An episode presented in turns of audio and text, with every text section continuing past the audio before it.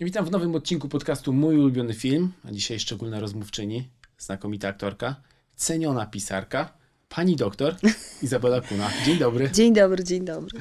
A spotykamy się przy okazji premiery filmu Teściowi, który już 10 września zadebiutuje na ekranach kin. E, I o tym filmie, tak mi się wydaje, powiedziałaś w jednym z wywiadów, chociaż nie chciałaś jeszcze przyznać, co to było za doświadczenie zawodowe, ale powiedziałaś coś takiego. To jedno z najlepszych moich zawodowych i towarzyskich przeżyć, jeśli w ogóle nie najlepsze. I to rozumiem było o teściach. Tak, absolutnie.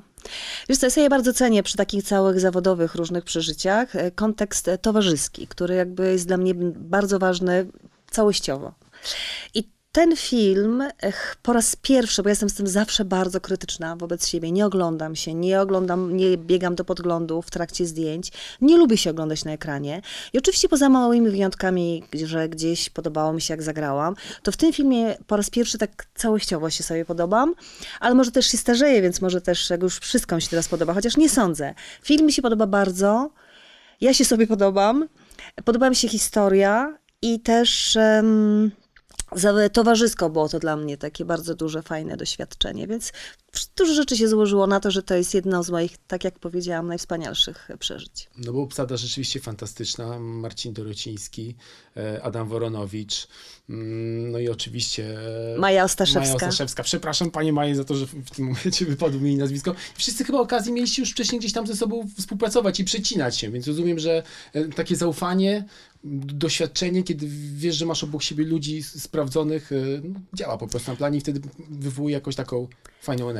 Wiesz co, tu zadziałało, ale powiem, że są różne miałam doświadczenia i też różne rzeczy oglądam, żeby zobaczyć, jak e, mało brakuje nam aktorom do tego, żeby się popisywać e, i ścigać na różne historie. Mnie się to nigdy nie zdarzyło, a w tej sytuacji, gdzie naprawdę, no, Maja, z Mają nigdy się nie spotkałam, z Mają się bardzo lubimy, ale w pracy nie spotkałam się z nigdy, więc to było dla mnie fantastyczne przeżycie. Zada się już pracowałam i z Marcinem też. E, nad tym wszystkim czuwał e, reżyser, debiutant, a ja mam szczęście do debiutantów, Kuba Michalczuk, który no, nieprawdopodobną ręką poprowadził nas wszystkich. Ja mu zaufałam w 150%. I wszyscy aktorzy mu za, e, e, zaufali, mam wrażenie. Próby, które się odbywały. Taka, to jest młody człowiek z taką oldschoolową jakby historią. I tak, e, no Michał Englert, który jest wspaniałym operatorem, z którym się już wielokrotnie spotkałam, ale też czuwał nad tym wszystkim. Oni też często pracują z Kubą, lubią się. I mi się wydaje, że ten kontekst towarzyski, tego lubienia się i tego jakiejś takiej szacunku do wzajemnej pracy i gry do jednej bramki, y, chyba tu się udało. No właśnie, wspomniałaś o Michale Englercie. E, film teściowi otwiera fantastyczny, kilkunastominutowy Mastershot.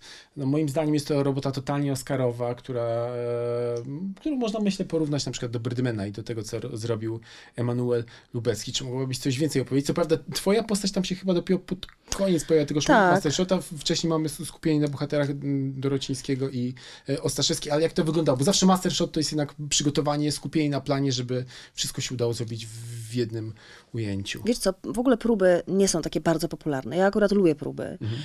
E, I my bardzo dużo próbowaliśmy. I o tym Mastershocie ja słyszałam nieustannie.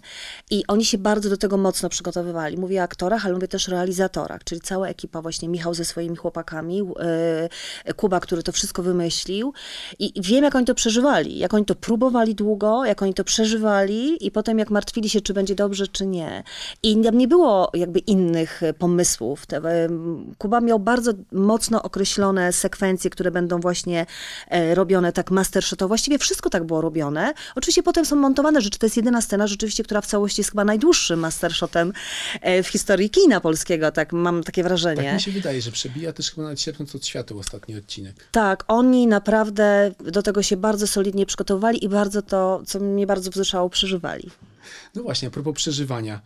Czy ciebie łatwo jest porwać w kinie? Czy w związku z tym, że jesteś aktorką, znasz ten świat od podszewki, e, no generalnie nie robi to na tobie wrażenia? Czy jednak potrafisz e, być jak taka czysta karta i nagle dać się porwać historii? Mówisz o filmie, który, filmach, które oglądam. Tak, tak ogólnie. ja się bardzo wzruszam, tak. wiesz, jak idę na przykład z moim synem do kina, to on robi coś takiego, że ogląda, patrzy na mnie i jak widzi, że jest jakaś taka scena, to tak patrzy tylko i mówi, mamo płaczesz? Mamo płaczesz już? Mamo? Ja się bardzo wzruszam, e, ale mnie wzruszają w ogóle różne historie. Mnie też sport bardzo wzrusza i zawody i tak dalej. Takie, no nie wiem, tak, ja jestem łatwo wzruszającą się osobą, ale w kinie jestem wymagająca bardzo.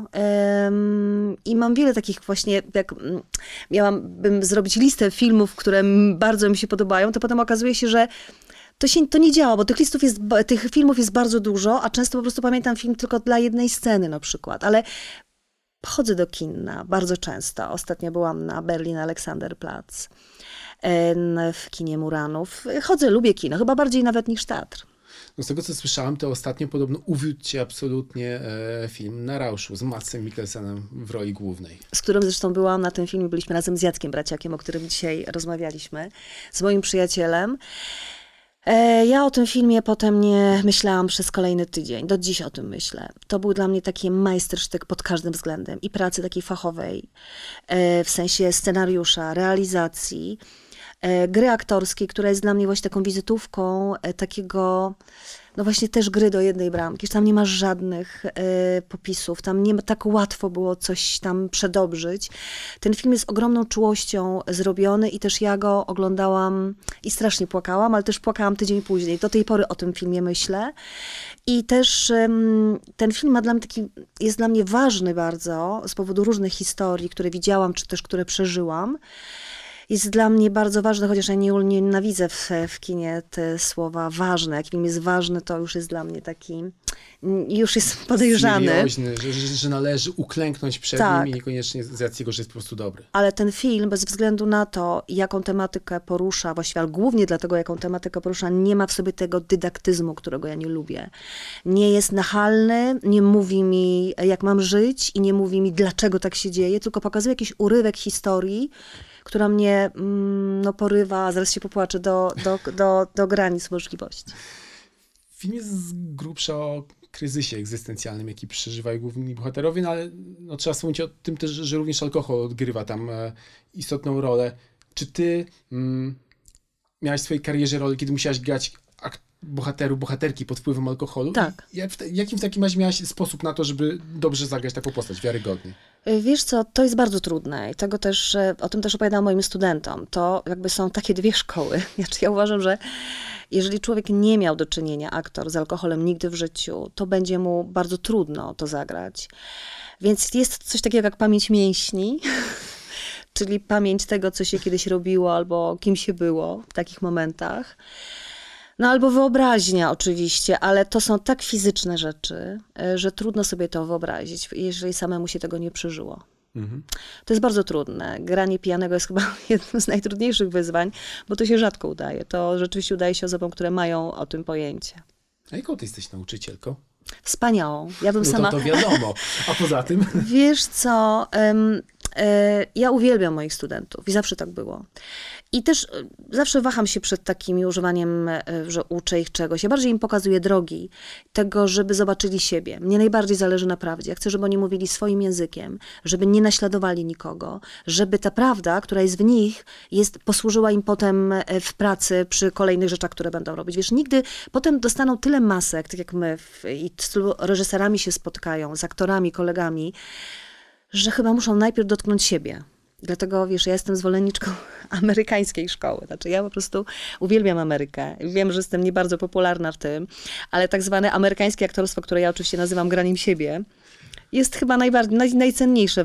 To jest oczywiście duży skrót, granie siebie i to mm, amerykańskie aktorstwo, ale jakby z amerykańskiego aktorstwa czerpię, e, e, czerpię to, że daje tym ludziom dużo radości i mówię im, że wszystko robią dobrze, bo to jest prawda, że nie ma takiego, wiesz, nękania, że źle, że źle, że coś tam. Nie, wszystko jest zawsze bardzo dobrze, bardzo ich wspieram i staram się, żeby jakby znaleźć w nich to, co jest ich, a nie to, co jest moje, czy to, co zobaczyli. Najpierw muszą odnaleźć siebie.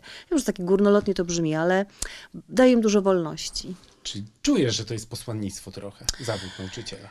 Że to nie jest tylko zawód. wiesz, Y, to nie jest tylko praca. Mm, Wiesz co, to jest moja pasja. Ja to bardzo lubię i wydaje mi się, nieskromnie powiem, że widzę więcej niż inni. Dlatego tak e, mi się dobrze pracuje z młodymi ludźmi. Dlatego tak patrzę, jak się rozwijają, jak cieszy, cieszy mnie to, co robią. Że ja im daję jakieś uwagi, pozwalam im się rozwijać. Robię oczywiście swój program, więc konsekwentnie realizuję to, co chcę, ale zawsze czekam na ich propozycje i na ich głos. Nigdy nie narzucam swojej woli, nigdy nie narzucam. Oczywiście mówię, co oglądam. Ostatnio właśnie wzięłam moich studentów na Berlin Alexanderplatz mhm. w ramach zajęć, bo już trochę zrobiliśmy, więc pomyślałam sobie, a teraz idziemy do kina. Zawsze podrzucam im dobrą literaturę i, i mówię o filmach, które widziałam. A gdybyś na przykład miała porównać swoich studentów i na przykład siebie i swoje pokolenie w, czasie, kiedy byliście w ich wieku, to jakie największe różnice dostrzegasz? No właśnie, no właśnie takie, że jestem z pokolenia jednak e, tego, ja się urodziłam w 70 roku, być może to jest kwestia też domów, ale no w, te, w szkole podstawowej, gdzie było 30 osób i każdy mniej więcej pochodził z tego samego środowiska, przeważnie mówiło się nam, że coś jest źle, nie pokazywało się nam dobrych stron, tylko mówiło źle. Albo jeżeli zadawałem pytanie, do, do dziś mówię do moich studentów, jak zadaję im, zadaję wam pytanie, to nie jest pytanie podchwytliwe. Nie odpowiadajcie i nie myślcie o tym, co ja chcę usłyszeć, tylko odpowiadajcie tak, jak chcecie. To jest zwykłe pytanie. Bo wiesz, młody człowiek, jak dostaje pytanie od nauczyciela, to już ma takie skojarzenie, jest jakaś zakawyczka w tym, albo czegoś nie wiem. Ja mówię, to jest koniec języka za przewodnika. Nie wiesz, to się dowiedz. Nie ma wstydu w tym, że chcesz się dowiedzieć. Wstydem jest, jak coś ukrywasz. Więc to jest chyba największe, że nas się nie chwaliło, tylko się karało albo mówiło się, że coś robimy źle, zwracało się uwagi na nasze wady, a nie na nasze zalety. To jest taka chyba najważniejsza rzecz z tych, jak z tych różnic w ogóle pokoleniowych. A pamiętasz swoją pierwszą wyprawę do kina? Tak, to, był, to było wejście smoka. to było wejście smoka, a potem King Kong. Godzilla to jakoś był chyba inny tytuł, ale wiem, że to było o wielkim e, gorylu, który trzymał na ręku, jak dziś pamiętam, dziewczynę w białej sukience. To była ta wersja z Jeffem Bridgesem może? I mm. Jessica Lang? Czy, czy, tak, to była tak? seria, to była e, z Jessica Lang i to było w kinie Mazowsze, mhm. ale pierwszy to, pierwsze, e, pierwsze kino to było Wejście Smoka. No właśnie, z tego co słyszałam, to Bruce Lee to była twoja pierwsza w ogóle filmowa miłość. Tak, bo ja lubię, jak coś się dobrze kończy, lubię, jak z dobro zwycięża zło, wtedy lubiłam. I lubię też takich bohaterów, on się zawsze bardzo podobał, wiesz. On był taki umięśniony, był taki gibki, walczył ze złem, był sprawiedliwy i wtedy bardzo mi się podobał, gustowałam w brunetach wtedy, dlatego Alain Delon na przykład również, mój ukochany absolutnie aktor z którym, wiesz, że ja robiłam coś takiego, że na małym tele, telewizorze, który mieliśmy w domu, rodzice spali na wersalce, a ja siedziałam i oglądałam filmy z Alanem Delonem, wszystkie. I nagrywałam na taki magnetofon marki Grundig, mhm. taki ten z tą naj, naj, naj, najgorszą wersję. I potem słuchałam jeszcze raz z lektorem w nocy w łóżku. Ja byłam zakochana w Delonie, absolutnie. Delon też pojawi się za chwilę w jednym z filmów, o których będziemy rozmawiać, ale jeszcze a propos Bruce'a Lee. E, rozumiem, że a może tak było, może też po wyjściu ze smoka stwierdziłeś, że będziesz ćwiczyć karate na okolicznych drzewach i latarniach, czy raczej po prostu wystarczyło ci podziwianie Podziwianie, aktora. podziwianie. Wiesz, ja, jeżeli chodzi o fizyczność, to ja się boję. Ja nigdy nie, nie wisiałam na trzepaku, e, nie, nie jeżdżę na nartach, bo się boję szybkości. Wszystkie rzeczy się nauczyłam w bardzo późnym wieku, pływania i tak dalej, bo też moi rodzice się o mnie bardzo bali, więc ja nie mogłam wchodzić do wody, żebym się nie utopiła czasami. Mhm. I to jakoś pokutowało do dziś. Umiem te rzeczy wszystkie robić, ale się boję. Ja nie jestem taka bardzo odważna. A sport jednak kojarzy mi się bardzo z taką odwagą. On poza tym, ja marzyłam zawsze, jak miałam takie fantazje jako dziecko, że właśnie na ulicy dzieje się jakaś bójka i ja w tej bójce uczestniczę i pokonuję wszystkich złych e, i wszyscy patrzą na mnie z podziwem. Tak jakoś zawsze mierzyłam wyżej niż mogłam. Więc no tak to wyglądało. E, wspomniałaś o nadopiekuńczości rodziców, a czy ona też się przekładała na to, co na przykład oglądałeś w kinach albo na, na telewizorze, czy rodzice pilnowali, żebyś na przykład nie zobaczyła filmu, który być może spaczy twoje, twoją dziecięcą wyobraźnię i wywoła jakąś traumę? E, wiesz co, nie było czegoś takiego, ale też ileż tych filmów leciało wtedy w telewizji. Ja pamiętam, że spod, z, pod kołdry oglądałam e, Perłę w koronie. No, tam były takie mocne y, sceny erotyczne, wtedy by się tak to wydawało. Więc nie, oni chyba jakoś tak zabraniali mi w ogóle wieczorami oglądać, że powinnam iść spać raczej niż oglądać takie rzeczy, ale nie wiem co tam, w telewizji chyba nie leciały takie rzeczy, które jakoś mocno, mocno by mnie zgorszyły. Chyba nie. Mhm. A widziałaś pewnego razu w Hollywood e, Quentin Tarantino? Oczywiście. Jak ci się podobał Bruce Lee w takim razie w wydaniu Bubka, który jest przekonany o tym, że ma no dwie była... śmiercionośne bronie? To jest w ogóle, ja tak myślę sobie, że ja o Tarantino w ogóle nie wspomniałam, ale Tarantino to jest w ogóle jakaś taka magia kina i to ja jestem bardzo wielką orędowniczką jego, jego filmów, a Bruce Lee w tym wydaniu to jedna z piękniejszych scen. Nie, jakoś tak, e, wiesz, on mi się też podobał fizycznie jako mężczyzna, więc myślę sobie, że mm, kochałam się po prostu w Bruce Lee bardzo. Ale też do dziś, jak mój syn czasami ogląda jakiś Karate Kid, czy tam mhm. oglądał, bo teraz już nie, to też chętnie z nim oglądam i tak, e, wiesz, te wszystkie mądrości życiowe, które są wtedy przekazywane właśnie jak jest. Ja lubię też tą relację mistrz-uczeń, rozumiesz, że przekazujesz mu swoją wiedzę, że to się zawsze na, jakby na końcu jest dobrze, że to jednak zło e, zostaje pokonane. I chyba to, i też jak Staszek to oglądał, to ja też zawsze z nim siadałam i oglądałam. A propos relacji mistrz-uczeń, czy już edukujesz swojego syna filmowo? Czy raczej jest impregnowany na to, co na przykład mama chciałaby mu pokazać? Słuchaj, o, moje dzieci zawsze były indoktrynowane, niestety. Ale chyba dobrze im na to, to, to wyszło. Mój syn ma 12 lat, ale kilka lat temu jego ulubionym filmem był Wilk z Wall Street.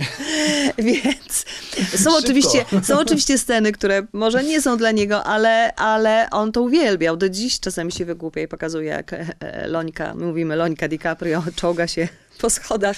Ale moja córka z kolei chyba z 11 razy oglądała. Byliśmy wtedy w Nowym Jorku. Pamiętam jak dziś e, był w, na kasecie, oglądała film, teraz ma 25 lat, ale jak była mała, Leon Zawodowiec. To był też film, który ona kochała i płakała za każdym razem, jak oglądała ten film. Ja zresztą też. A ja tu chciałem zapytać, czy twój syn jest fanem ekipy i Freeza? Przypuszczam, że raczej to już e, znacznie dojrzalszy młody człowiek, który e, ogląda fajne filmy. No jak to w życiu bywa, jest i to, i to, wiesz.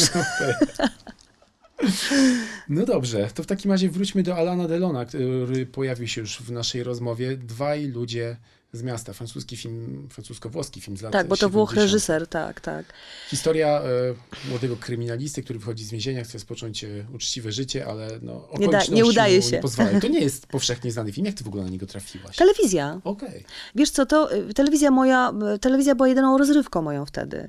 Wtedy nie chodziło się do kina. No kino właśnie Mazowsze, no to jakiś tam jeden czy drugi film, gdzie wpuszczali jakiś. Ale ja tak naprawdę w kinie byłam właśnie na dwóch filmach, a tak? Mhm. Głównie telewizja i zawody sportowe, czyli filmy, wszystkie seriale, które były, Zorro i e, wszystkie seriale Podróż za jeden uśmiech, Wakacje z duchami, to wszystko oglądałam. I, e, i taki był cały cykl z gwiazdami, właśnie w, w ramach Delona były różne filmy z nim. Ja to oglądałam i to było dla mnie jakieś olśnienie, ale też no, oprócz telewizji oczywiście tak przemycę tylko, to jeszcze zawody sportowe. Oczywiście Opole, Kołobrzeg, Sopot, no to były moje ukochane e, festiwale, które oglądałam, wszystkie piosenki znam. I oprócz tego łyżwiarstwo figurowe na lodzie na przykład. No, no wszystkie pary oglądałam taneczne, które wtedy Disney, Disney, wiadomo, naj, naj, najbardziej taka eks, ekskluzywna i taka dziwna forma tańca i taka właśnie coś niezwykłego, zawsze niższe noty, ale mi się to strasznie podobało. I telewizja, telewizja y, kształtowała moją wrażliwość. No ale zawody sportowe mają sobie czasami coś skina, te dobre zawody, jest tam dramaturgia, są bohaterowie, są czarne charaktery, są ci, którym chcemy kibicować i ci, którym najchętniej pod, e, podłożylibyśmy nogę, dlatego że wydają nam się wyjątkowo niesympatyczni. Dokładnie tak. A dwaj ludzie z miasta, wiesz, to, to mhm. jest też dlatego ważny dla mnie film, że ja nigdy w życiu, mimo że powiedziałam ci, że płaczę na filmach, tak nie płakałam. Ja do dziś pamiętam, że to był taki skowyt, wiesz, że jemu się nie udaje, że cały czas, że ten kurator go tam oczywiście pomaga mu, ale że jest ten niedobry policjant, który chce mu udowodnić i że on wróci. To jest człowiek, który chce się zrehabilitować, chce przejść całą, to przechodzi przemiany, nie chce być zły, a te zbiegi okoliczności powodują, że on nie może tego zrobić. I słuchaj, ja tak strasznie płakałam po tym filmie, że ja do dziś słyszę swój skowyt, najpierw u rodziców, jak rodzice już spali, a potem jak poszłam do sypialni. Płakałam jeszcze tak na filmie Światła Rampy Czeplina, ale dwaj ludzie z miasta jest na pierwszym miejscu w łzach, które wylałam. Mhm. W jednym z wywiadów powiedziałeś, że trudno cię zbić z pantałyku, więc ciekawi na przykład, czy są takie filmy, do których na przestrzeni lat zmieniałaś zdanie? Na przykład na początku myślałaś, że są dobre, a po latach stwierdziłaś, że może jednak niekoniecznie i na odwrót. Coś, co ci się na początku nie podobało, nagle przychodzi olśnienie i stwierdzasz, wow, dlaczego ja tego nie doceniłam od początku?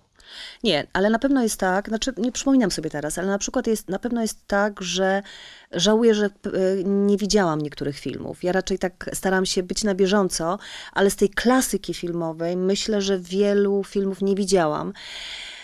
I nadrabiałam nadrabiałam potem zaległości, tak było z Fanny Aleksander Bergmana, który jakoś tak, mm, wiesz, to dużo filmów, które z klasyki, gatunku tak zwanej, oglądaliśmy w szkole filmowej w Łodzi i to były zajęcia poranne. Jak wcześniej były imprezy, to o ósmej się generalnie spało.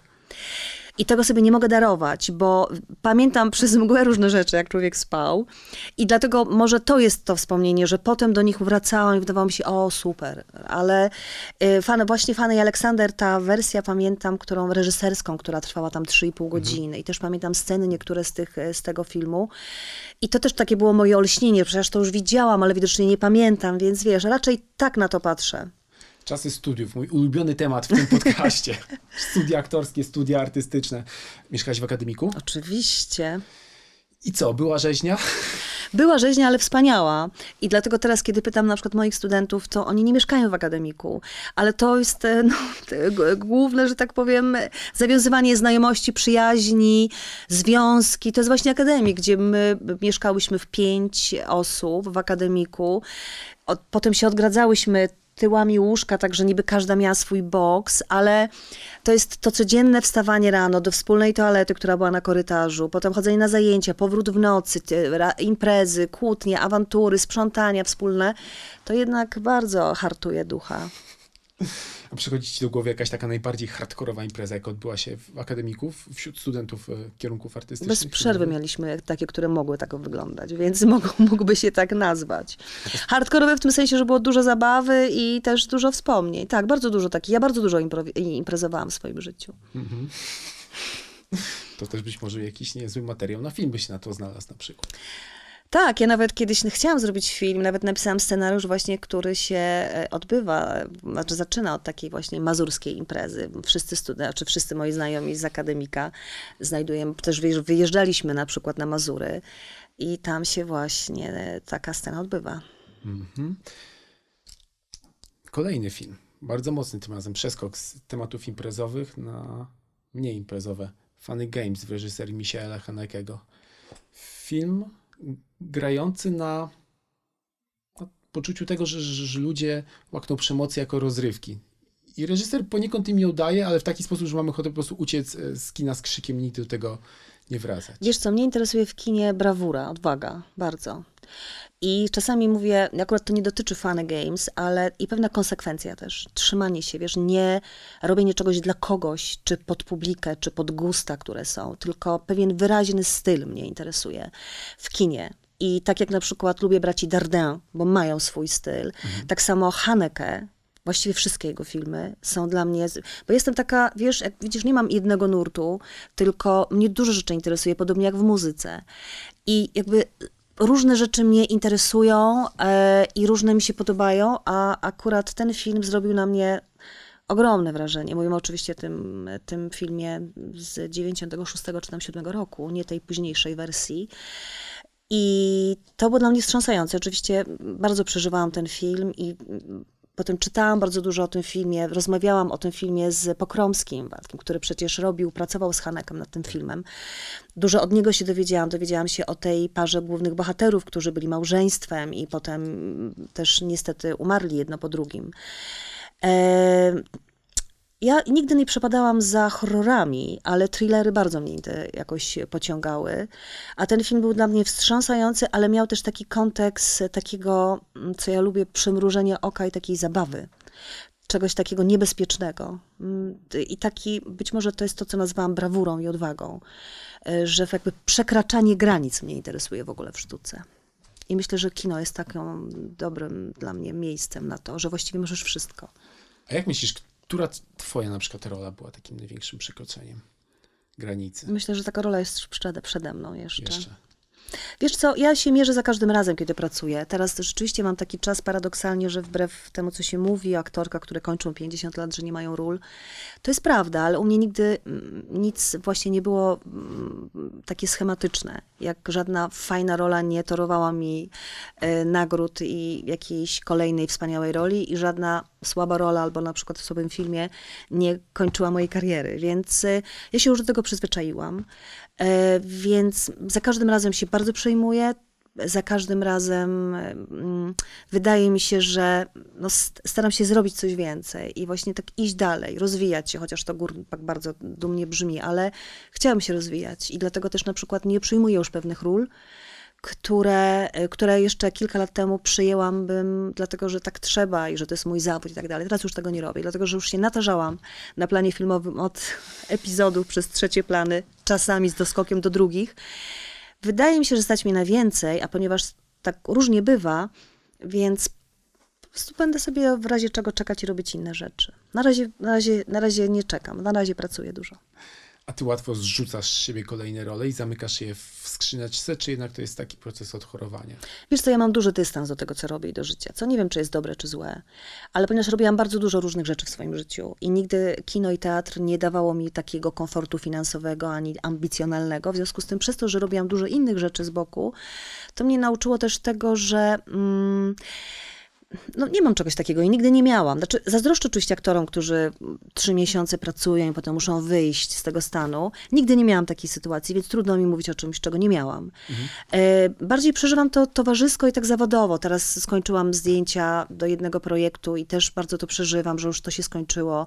Po teściach tak przeżywałam, bo to było dla mnie też takie bardzo właśnie towarzyskie też fajne spotkanie, że to się już skończyło. Bardziej cierpię z powodu końca czegoś, niż że muszę nagle, wiesz, być może żadna z moich ról nie wymagała też takiego, wiesz, no jakbym siedziała trzy miesiące w jakiejś głuszy i miała jakąś taką rolę właśnie, która wymagałaby, ale nie, nie sądzę. Myślę, że mam jakoś to poukładane chyba w głowie, wiesz, że to jest praca, zabawa, nie wiem. Czyli powiedzmy, jak są takie, no nie wiem, dwie szkoły aktorskie, czyli jedna, kiedy, gdzie aktorstwo jest misją i powiedzmy Tadeusz Łomnicki, że, że najchętniej umarłbym na scenie i druga, kiedy traktujesz to właśnie jako zawód, który jest jednocześnie szansą do fajnych spotkań, to jesteś raczej po tej drugiej stronie. Tak, tak. Ja nigdy nie traktowałam tego zawodu jak misję.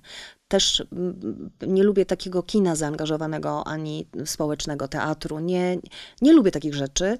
Bardzo to oczywiście szanuję i tak dalej, ale nie jestem zwolenniczką. Ja wolę jednak, jestem zwolenniczką takiej teorii, że kino jest e, po to, żeby nas bawić. Bawić, mówić w tym sensie też również wzruszać, ale że bardziej jest rozrywką, a nie takim moralitetem, który, znaczy nie cierpię e, filmów właśnie z taką tezą i taką jeszcze tezą 30 razy mi udowadnianą i z końcem, który ma też mi coś udowodnić i pokazać, y, gdzie jest moje miejsce. Ja wiem, gdzie jest moje miejsce. Mi to kino nie jest od tego, dla mnie. Kino jest od tego, żeby mnie zabawić, wzruszyć, żeby mi mm, powiedzieć coś o mnie, albo żebym zobaczyła dokładnie jakiś urywek ze swojego życia, albo czegoś takiego, co widziałam już. Nie, to jest, to w tym na, w Narauszu akurat jest coś takiego, co mi się bardzo podoba. Nie wszyscy hołdują temu, a ja tak, mhm. że ludzie się nie zmieniają i że wszystko się kręci w kółko i że za chwilę będzie dokładnie to samo. Ona będzie pić, on będzie pić i będą takie stany na chwilę, które cię tak, wiesz, unoszą i potem wracasz dokładnie w to samo miejsce. Niby idziesz dalej, niby się rozwijasz, ale gdzieś to wszystko jest w jakimś takim kole. Ja mm, hołduję bardziej temu.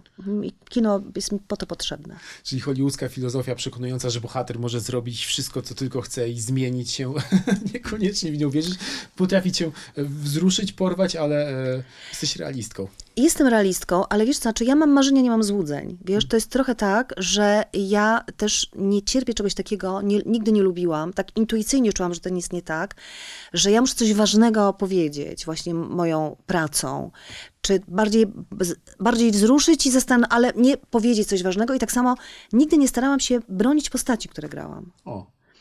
Dlatego, że uważam, że postać ma być prawdziwa. I to też mówię moim studentom, bez ściemy żadnej. Ja uważam, ja uważam że to jest droga.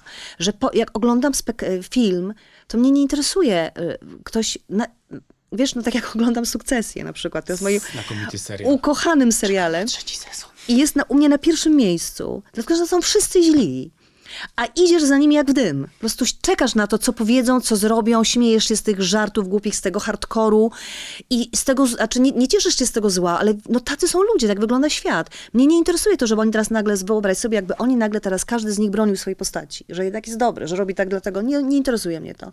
Dla sukces jest takim dobrym przykładem, ale... Mm, tak w życiu też się staram. Staram się, żeby to było, żeby prawda, żeby była w tym prawda, a nie jakaś taka moc, żeby usprawiedli usprawiedliwienie już z jakąś ściemą, moim zdaniem. No dobrze, to skoro zeszliśmy na terytorium seriali, to bardzo dobrze, pociągnijmy ten wątek. Sukcesja, jak rozumiem, aktualnie jest numerem na jeden. Na pierwszym miejscu. Twój ulubiony bohater sukcesji, zresztą ja nie wiem, czy można o nim mówić ulubiony. Wszyscy, wiesz co, tam nie ma jednej postaci, która mnie jakoś... Oczywiście Nestor Rodu jest w ogóle kimś takim absolutnie, mm, ale też brat y, naszego Kevina sam w domu, nie pamiętam jak on ma na imię. Kieran Kalkin. Tak, wiesz, tam też to jest, ten serial jest dla mnie też takim stuprocentowym strzałem w dziesiątkę, jeśli chodzi o obsadę i moje postrzeganie wszystkiego amerykańskiego aktorstwa, że tam każdy jest w punkt. Nie jesteś w stanie wyobrazić sobie go w innych rolach. Nie jesteś w stanie. Oni po prostu są tak jakby...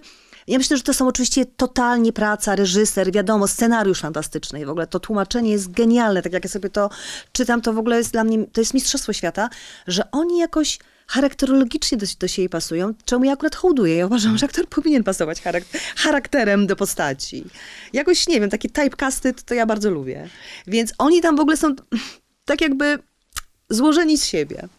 Czy nie jesteś ym, zwolenniczką tego, że aktor na przykład powinien wyskakiwać z szufladki, na przykład jeżeli ktoś go obsadza po, po warunkach przez jakiś czas, już jest przypisany do jakiegoś rodzaju ról, to nagle przychodzi ktoś z rolą, która zupełnie go wyrzuca. To... A czy wiesz co, jak chce wyskakiwać z szufladki, to niech wyskakuje, nie mam nic przeciwko temu, tylko znowu u nas jakby jest takie, takie wiesz, gdzie jest ta szuflada? Nie wiesz mhm. tego. To jest to, y, jak często się mówi, y, właśnie musisz się zmienić, mówi się młodym ludziom też, że musisz być bardziej taka, bardziej tak, znaczy bardziej jaka. Nie wiemy, jacy oni są tak naprawdę. Właśnie moim zadaniem jest to, żeby pokazać go takim, jakim jest naprawdę, tu i teraz. Za pięć lat może być zupełnie inny. Ja jestem e, zwolenniczką eksperymentów, absolutnie. Więc nie wiem, na ile to jest eksperyment. Nie byłam tam, chociażbym bardzo chciała być, a na ile rzeczywiście oni są absolutnie super dobrani. Ale myślę, że pierwszy instynkt jest taki jednak, że mm, idziesz, jak to mówiąc, mówiąc brutalnie, po warunkach. Dobrze, w takim razie jakie jeszcze seriale ostatnimi czasy pochłonęłaś? Bardzo, bardzo, bardzo podobał mi się The Crown. Bardzo. E, to jest zupełnie inny serial, wiadomo, ale też e, ta praca, która jest tam włożona, właściwie też te, ci bohaterowie, to jest i ta scenografia, i wszystko pracuje na, też na nieprawdopodobną historię, która też mnie bardzo wciągnęła. Zupełnie inny gatunek, wiadomo, ale The Crown bardzo. Tak? Ja chciałem tylko dopytać, którą wersję, e, którą aktorkę wcielającą się w Królową wolisz? Tę młodszą, czyli Claire Foy, czy... Wiesz co, ja y, y, Oliwię Colman bardzo lubię i bardzo uważam, że jest wspaniałą, genialną aktorką, ale to już wiemy. Natomiast y, młodsza królowa ma w sobie coś takiego też organicznego, wiesz, że ona mi się strasznie podobała, dlatego, że ona była taka niewymuszona i widać w tym było, jakby nie widać pracy w tym, wiesz, tak jak w Margaret Thatcher, mm. która mi się średnio podobała, powiem szczerze, chociaż uwielbiam tę aktorkę bardzo, to jednak nie, nie, to widać taki jakby wysiłek bez wysiłku, no, czyli tak jakby rzeczywiście może to też jakby charakterologicznie bardziej, bardzo mi się podobała, była taka nieoczywista i taka taka bez właściwości. Mi się to strasznie podobało. To nam też rusza ciekawy wątek, jakim jest praca reżysera castingu. W Polsce chyba nie do końca jakby um, doceniany zawód. A jednocześnie, no kurczę, właśnie od tego, jak reżyser castingu dobierze odpowiednio aktorów, stworzy te konfiguracje, y, działa film albo nie działa. Czy, czy ty na przykład miałaś takie doświadczenie, że widziałaś, że, że współpracujesz ze świetnymi reżyserami castingu? Tak, miałam takie doświadczenie, ale powiem ci, że ja akurat, jeżeli chodzi o castingi, zawsze wypadałam bardzo słabo na castingach. To jest w ogóle taka moja mm, bolączka. No tak. I dlatego w, w pewnym momencie przestałam chodzić na castingi. Nie dlatego, żeby zamanifestować swoją, e, jakąś właśnie swoje fanaberie, chociaż mam tyle lat, że mogę mieć fanaberię, ale za każdym razem przysięgam ci, i to jest też moim zdaniem mój, kwestia mojego charakteru. Wydawało mi się, że muszę za każdym razem udowadniać, że jestem kimś lepszym udowadniać komuś, że zasługuje na coś.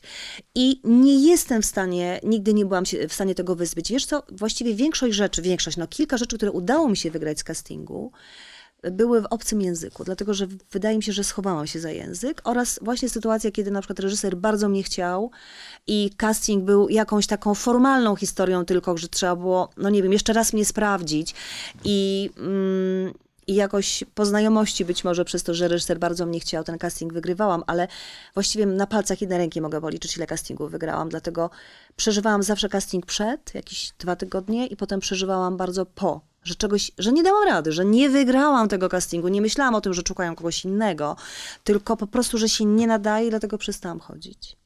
Tak, ale myślę, że to jest, że to jest bardzo ważne. Wiesz, to jest suma różnych rzeczy. Wiesz, to nie mamy takiego marketu filmowego jak mm. w Ameryce. To w ogóle nie ma co porównywać.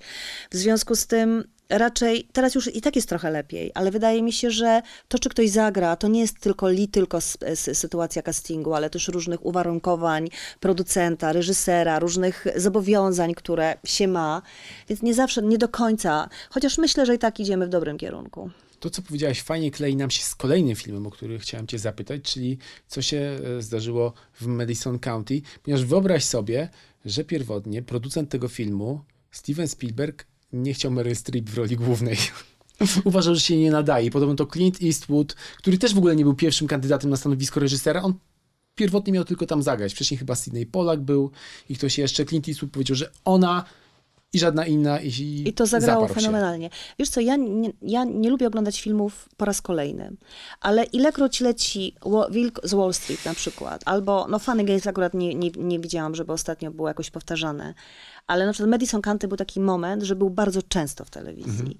I ja nie oglądałam całego filmu, ale oglądam sceny, wiesz, pamiętam jak ona pupą zamyka lodówkę. E, Nie, nie podoba mi się jakby klamra tego filmu, nie podoba mi się ten początek i ten koniec. To jest dla mnie takie właśnie tłumacz.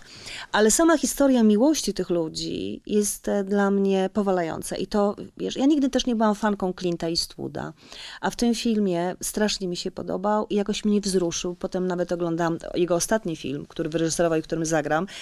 I też się okazało, że on mnie wzrusza. Przemytnik? Tak, przemytnik. Wzruszał, y, wzruszył mnie, chociaż też jakoś był strasznie zrobiony bardzo mocno w tej pierwszej scenie, już był tak biedny, ponadciągany, czy też to charakteryzacja, nie wiem. Wszystko jedno, on mnie wzrusza i też taka de- determinacja, jak, jak u Scorsese, no, nie wiem, lubię takich e, żywotnych staruszków i też widzę, że się zna na kinie i ten film jest dla mnie taką wizytówką tego, że nagle ten mocny facet, który robi takie kino właśnie dla mocnych, odważnych, robi taką wzruszającą historię o miłości ludzi no, w dojrzałym wieku, nie bójmy się tych słów. I też taką bez happy endu tak naprawdę. Tak, to też bardzo mnie wzruszyło. I Meryl Streep, którą bardzo lubię, bardzo. I Clint, do którego mam czułości dużo. No i ta słynna scena, kiedy bohaterka siedzi w samochodzie z mężem w deszczu, czerwone światło i zastanawiamy się prosimy, Boże, wysiąść, wysiąść z tego samochodu i wszyscy trzymamy za to bardzo mocno kciuki. E, no to jest jeden z takich momentów w kinie, w którym naprawdę widownia chyba jest po prostu porwana i kibicuje całymi siłami, a to jest przecież moment absolutnie wydawałoby się niepozorny. Bohaterka siedzi w samochodzie i zastanawiamy się, czy po prostu tworzy klamkę, czy nie. Nie ma wybuchów, czy walki o przyszłość świata. To prawda, ale też jest coś takiego, że myślę, że ja akurat bardzo lubię właśnie, kiedy tych dopowiedzeń nie ma, kiedy mogę sobie sama coś y, pomyśleć i wyobrazić, jak to się może skończyć. I jednak mimo wszystko takie historie, które mm, nie kończą się tak, jakbyśmy chcieli, dają nam chyba więcej takiej przestrzeni. Ja jak byłam mała, pamiętam, jak oglądałam filmy o miłości, to zawsze y, jakby nienawidziłam już tego momentu pocałunku jakby cała ta droga, bo jak ten, zdarzyło się już pocałunek albo na przykład scena miłosna, to już było takie, o Jezu, znaczy to już, wiesz o co Formalność chodzi? sama. Po prostu nic potem już nie ma. Sama ta droga dochodzenia do tej sytuacji była dla mnie tak fascynująca i tak czekałam na ten pocałunek i potem ten pocałunek albo ta scena miłosna niszczyła wszystko, ale może o tym powinnam porozmawiać z moim terapeutą, nie wiem. No ale na tym też polega e, rola dobrych filmów, nie? Że właśnie jakby pocałunek jest tą formalnością, a to, to co wszy- wszystko dzieje się dookoła, te wszystkie przeszkody, które bohaterowie muszą pokonać, Otóż to, to, jest, przeszkoda. to jest to, co nas wszystkich porywa. No dobrze, to w takim razie dochodzimy do filmu, który już kilka razy przewijał nam się tutaj, ale jest, czyli Wilk z Wall Street w reżyserii. Martina Scorsese'ego. Kurczę, powiedz mi, czy ja się mylę, czy nie, ale ten film trochę się jakby klei z twoim tematem pracy doktorskiej. Kłamstwo, czyli studium prawdy. Bo ten film jest o kłamstwie i o tym, jak łatwo można nabierać ludzi. A ty Tak. jesteś chyba, temat kłamstwa jako złym jest Tak. głęboko już przez ciebie e, spenetrowany. Tak, ale to jest, też, to jest też film o tym, jak kłamstwo może być e, urokliwe. I to, jak zło może być też niestety nas uwodzić. I to jest, to jest film, ja też bardzo lubię tego reżysera. E, To jest też film, który ma dużo wdzięku, wiesz, bo on przy całym oczywiście blichtrze i tych wszystkich e, wspaniałych kreacjach i akurat ja Leonardo DiCaprio uwielbiam. Ja wiem, że może tutaj jakoś taka też może mało popularna, ale ja go po prostu bardzo, bardzo, bardzo lubię. Uważam go za niezwykle zdolnego aktora. Tam oczywiście wszyscy świetnie grają, ale przy całej tej historii, tego blichtru, tych pieniędzy, jest ta scena na statku, która jest tak kiczowata i tak po prostu, i ja myślę, że ona specjalnie jest taka, rozumiesz, że po prostu za każdym razem jak to oglądam, ja nie wierzę, że on zrobił taką scenę, że po prostu oni na tym statku, że to jest wszystko jak z dykty i jak e, takie, no jak taka makieta. Ale jest w tym filmie zło, jest wdzięk, a ten wdzięk jest bardzo trudno w kinie o wdzięk, bo to wszystko jest takie wymuszone i takie właśnie pokazane na tacy, a tu jest też tak jak to, co robi Tarantino. Jest totalny profesjonalizm i wielka zabawa. I jest ten oddech i wdzięk, że tak nie jest wszystko wymuszone, wyduszone i daje ci takim, taką możliwość, że oglądasz to. Nie wiem, no być może przez ten wdzięk, być może przez to, że lubię Leonardo DiCaprio, być może, że nie wiem, jest też dużo, ja lubię, jak mnie zaskakują ludzie, pani na ulicy w, i to on mi tam, jest dużo takich scen, które mnie tak, wiesz, po prostu, że nie, nie, nie mogłabym sobie tego inaczej wyobrazić. No I dużo młodości jest w tym filmie. Tak, to jest niesamowite, że jest to film nakręcony przez reżysera po 70, który już miał taki moment, miałem wrażenie, że no, wchodził tak. na postument klasyka, tak, co nie? Tak. Czyli gangi Nowego Jorku, awiator i nagle kręci po prostu coś tak drapieżnego, coś tak cudownie niemoralnego, bo ten film jest niemoralny, ale może po prostu Sukcesja pokazuje... też, też jest tak, niemoralna. pokazuje ludzi, jakimi, jakimi są. są. Tak jest. Że, że, że, kiedy nagle przychodzą pieniądze, to główny bohater potrafi w jednej chwili zrezygnować z jednej żony, wymienić ją sobie na żonę modelkę, uzależnić się od wszystkich możliwych... E, dragów, które są, tak. Dragów tak. i po prostu świetnie imprezować i to jest najfajniejsze w tym filmie, że Scorsese jakby tylko nie, nie potępia. Nie, znaczy, nie ma, on tego nie, nie ocenia. Tak. On nie robi z tego moralitetu i nie mówi nam, że jak będziesz tak robił, to ro zrobisz to i to. No jakoś tak wierzy w inteligencję widza i nie traktuje tego filmu chyba, nie myśli, że e, e, widzowie traktują ten film jako instruktaż, jak, jakich e, narkotyków używać, czy jak się bawić i jak ludziom, jak ludzie szukać tylko bardziej jest taki zabawowy. No to jest chyba właśnie to, co mówiłam. No ja mnie, na, mnie najbardziej to w kinie interesuje, zabawa. Chociaż znam też ludzi, którzy na przykład traktują finałową przemowę Jordana Belforta, kiedy on namawia ich do sprzedania tych butów Steve'a Madena, jako materiał instruktaż, nie, nie instruktażowy, inaczej zachęcający. To jest jak TED Talk. Jak zarobić więcej pieniędzy, uwierzyć w siebie i pokonać wszelkie przeszkody. No zależy, Czyli... co kto lubi. No jakbyśmy tak analizowali, to właściwie żaden film nie jest dla nikogo, bo każdy sobie może coś dla siebie wziąć, a najczęściej złego z filmów. Nie, nie, nie, nie, nie, nie myślę tak o kinie, nie myślę tak o tym filmie na pewno. W swojej pracy doktorskiej napisać kłamią wszyscy. Ludzie, zwierzęta, rośliny. Kłamią, żeby żyć, żeby przetrwać. Czy mogę prosić panią doktor o rozwinięcie tego tematu? Wiesz co, rośliny i zwierzęta oczywiście e, przeobrażają się w różne, udają kogoś innego, żeby nie zostać po, połkniętym przez e, sąsiada. E, my też to, co teraz robimy, no to też nie jest normalna sytuacja. Ja nie jestem u siebie w domu i nie jestem sama i nie, i nie opowiadam o tym. E, nie jestem przed telewizorem i nie widzę filmu. No też jest to pewna konwencja, kiedy jestem teraz z tobą. E, oczywiście staram się, jestem szczera w tym wszystkim, co mówię, ale też nadaję tą pewną formę, a forma już jest jakimś kłamstwem. No, forma to, to jest coś, co sobie narzucam, narzuca mi to styl twojego programu, ty swoimi pytaniami no, staram się to robić najszczerze jak mogę i właśnie dlatego to jest, taki jest też mój zawód i tak na to patrzę, żeby w tej formie się znaleźć, żeby wypaść jak najlepiej, jak najprawdziwiej. Ale... Mm, no wiesz, trudno, t, e, cała praca moja o tym jest, że wiadomo, że aktor, który gra człowieka, e, który zabija, nie musiał nigdy zabić, żeby go zagrać. To jest, wracając do tematu, czy musisz pić, żeby zagrać pijanego. No nie musisz, ale rzadko się to udaje. W przypadku zabójstwa być może mamy takie jakby lep- więcej narzędzi bo jednak w przypadku e, alkoholu jest to takie bardzo organiczne. Więc e, musisz sobie założyć pewne rzeczy. Reżyser musi cię poprowadzić w pewnym kierunku i wszystko to, co robisz, to, to jest nieprawda. Stoisz na scenie i opowiadasz ludziom, że jesteś kimś innym. No przecież to jest nieprawda. Jesteś kimś innym zupełnie niż tym oso osobą, która siedzi na scenie. Właśnie problem polega na tym, jak to pokazać tak, żeby widz uwierzył, że to się dzieje naprawdę. Mhm. Że to jest historia, która cię wciąga, że to jest po prostu oglądasz, oglądasz sukcesję i myślisz sobie, chciałbym tam być na tym statku.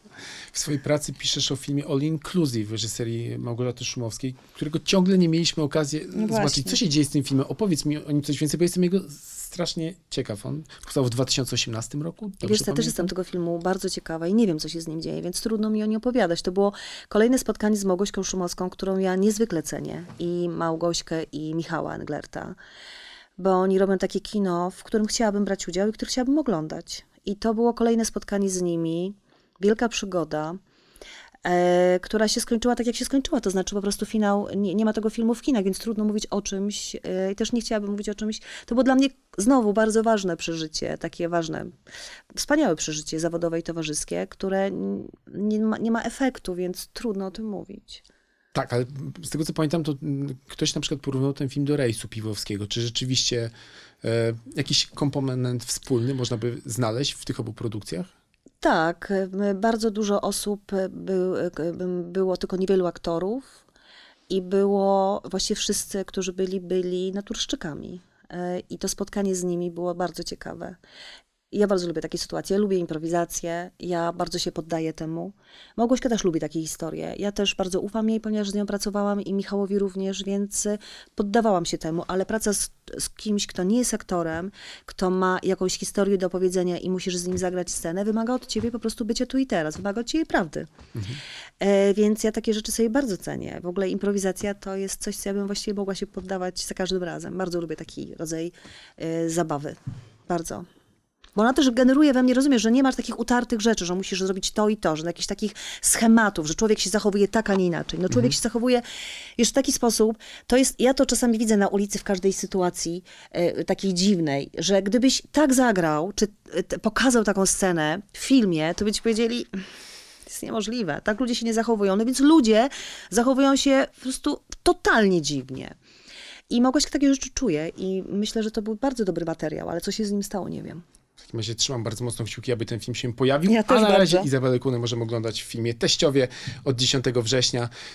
Z tą kobietą wydaje mi się nigdy nie jest nudno. Jezus, dziękuję. To był bardzo piękny, znaczy bardzo wspaniały komplement, który dostałam. A to był kolejny odcinek podcastu Mój ulubiony film. Dzięki. Dzięki bardzo.